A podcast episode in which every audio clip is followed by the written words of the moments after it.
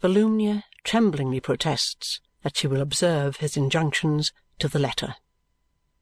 My Lady is too high in position, too handsome, too accomplished, too superior in most respects to the best of those by whom she is surrounded, not to have her enemies and traducers, I dare say. Let it be known to them, as I make it known to you, that being of sound mind, memory, and understanding, I revoke no disposition I have made in her favour. I abridge nothing. I have ever bestowed upon her. I am on unaltered terms with her, and I recall having the full power to do it if I were so disposed as you see. No act I have done for her advantage and happiness. His formal array of words might have at any other time, as it has often had, something ludicrous in it. But at this time it is serious and affecting. His noble earnestness, his fidelity, his gallant shielding of her, his generous conquest of his own wrong and his own pride for her sake, are simply honourable, manly, and true. Nothing less worthy can be seen through the lustre of such qualities in the commonest mechanic. Nothing less worthy can be seen in the best born gentleman. In such a light both aspire alike, both rise alike, both children of the dust shine equally. Overpowered by his exertions, he lays his head back on his pillows and closes his eyes for not more than a minute, when he again resumes his watching of the weather and his attention to the muffled sounds. In the rendering of those little services, and in the manner of their acceptance, the trooper has become installed as necessary to him. Nothing has been said, but it is quite understood.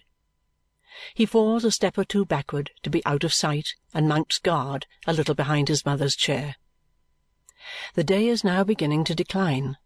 The mist and the sleet, into which the snow has all resolved itself, are darker, and the blaze begins to tell more vividly upon the room walls and furniture. The gloom augments. The bright gas springs up in the streets, and the pertinacious oil lamps which yet hold their ground there, with their source of life half frozen and half thawed, twinkle gaspingly like fiery fish out of water, as they are.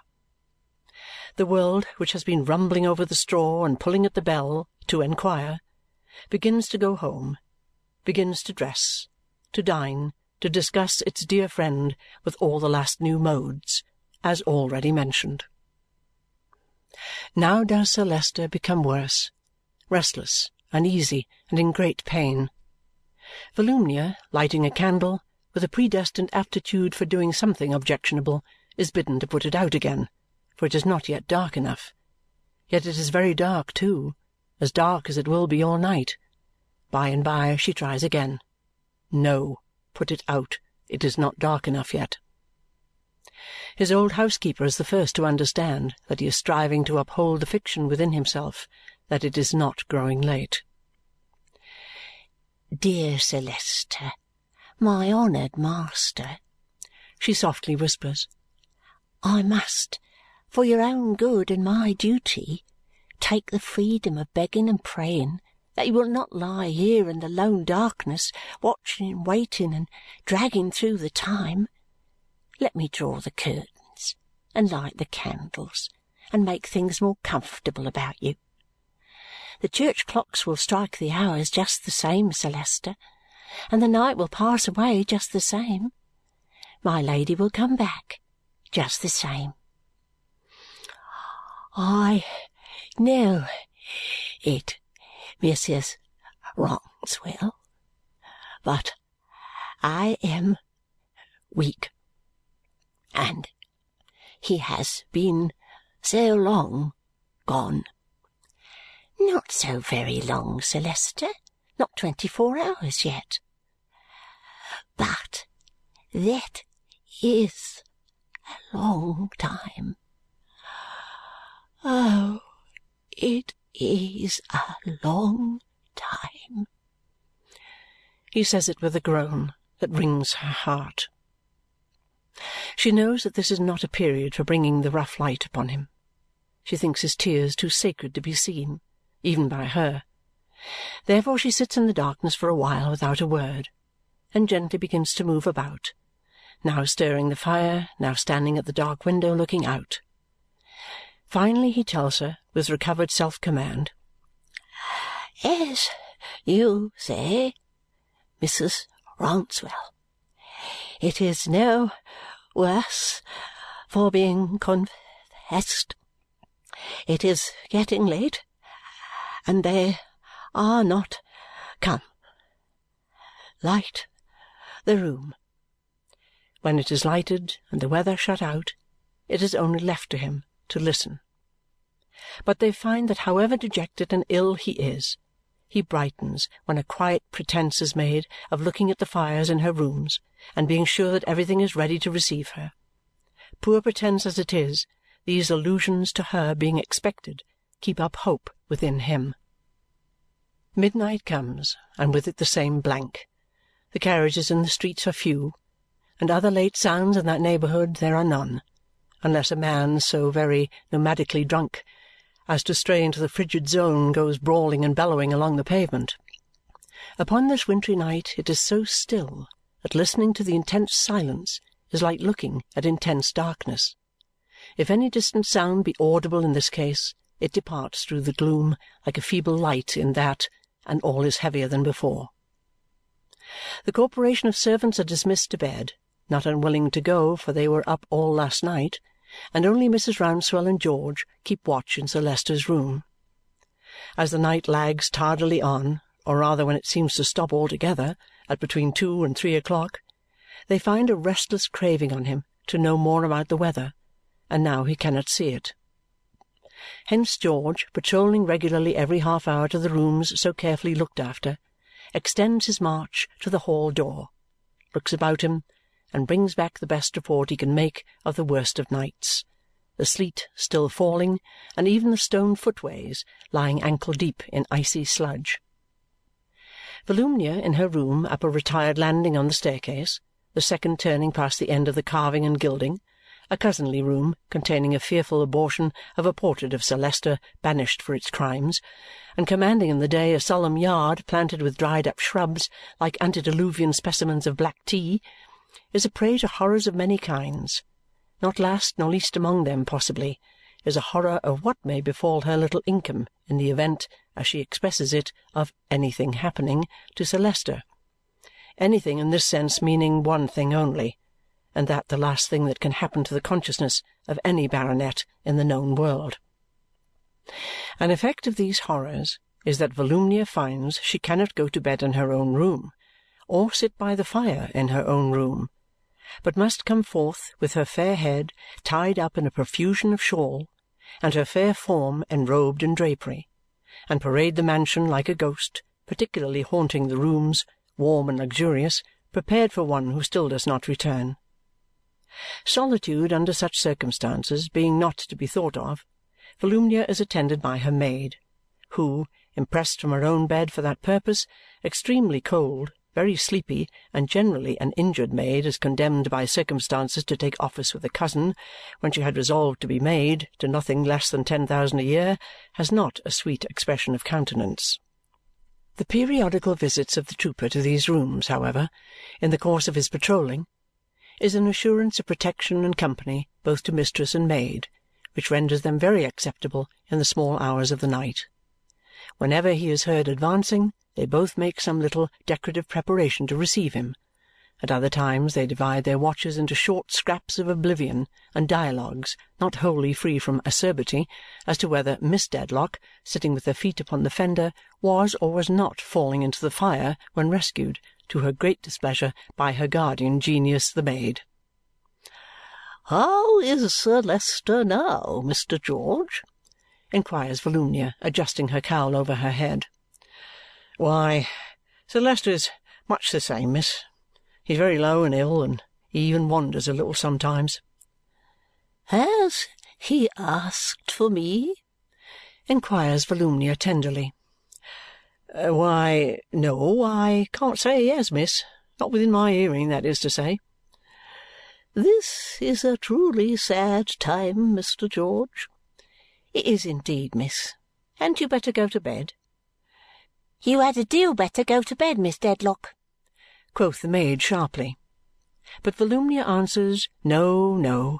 She may be asked for, she may be wanted at a moment's notice. She never could forgive herself if anything was to happen and she was not on the spot. She declines to enter on the question, mooted by the maid, how the spot comes to be there and not in her room, which is nearer to Sir Leicester's, but staunchly declares that on the spot she will remain. Volumnia further makes a merit of not having closed an eye, as if she had twenty or thirty, though it is hard to reconcile this statement with her having most indisputably opened two within five minutes. But when it comes to four o'clock, and still the same blank, Volumnia's constancy begins to fail her, or rather it begins to strengthen, for she now considers that it is her duty to be ready for the morrow, when much may be expected of her that, in fact, howsoever anxious to remain upon the spot, it may be required of her as an act of self-devotion to desert the spot. So when the trooper reappears with his "Hadn't you better go to bed, miss?" and when the maid protests more sharply than before, "You had a deal better go to bed, Miss Dedlock," she meekly rises and says, "Do with me what you think best. Mr. George undoubtedly thinks it best to escort her on his arm to the door of her cousinly chamber, and the maid as undoubtedly thinks it best to hustle her into bed with mighty little ceremony. Accordingly, these steps are taken, and now the trooper in his rounds has the house to himself. There is no improvement in the weather. From the portico, from the eaves, from the parapet, from every ledge and post and pillar, drips the thawed snow. It has crept, as if for shelter, into the lintels of the great door, under it, into the corners of the windows, into every chink and crevice of retreat, and there wastes and dies. It is falling still, upon the roof, upon the skylight, even through the skylight, and drip, drip, drip, with the regularity of the Ghost's Walk, on the stone floor below. The trooper, his old recollections awakened by the solitary grandeur of a great house, no novelty to him once at Chesney Wold, goes up the stairs and through the chief rooms, holding up his light at arm's length. Thinking of his varied fortunes within the last few weeks, and of his rustic boyhood, and of the two periods of his life so strangely brought together across the wide intermediate space, thinking of the murdered man whose image is fresh in his mind, thinking of the lady who has disappeared from these very rooms and the tokens of whose recent presence are all here thinking of the master of the house upstairs and of the foreboding, who will tell him? He looks here and looks there and reflects how he might see something now, which it would tax his boldness to walk up to, lay his hand upon, and prove to be a fancy. But it is all blank, blank as the darkness above and below, while he goes up the great staircase again, blank as the oppressive silence all is still in readiness, George Rouncewell?" "Quite orderly and right, Sir Leicester." "No word of any kind?" The trooper shakes his head.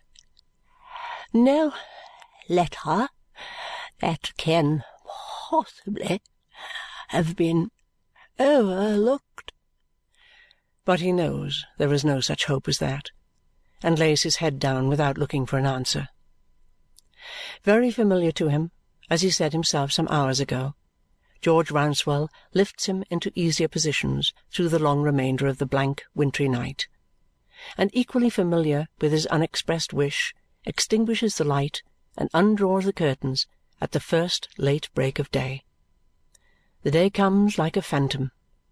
Cold, colourless, and vague, it sends a warning streak before it of a death-like hue, as if it cried out, Look what I am bringing you who watch there!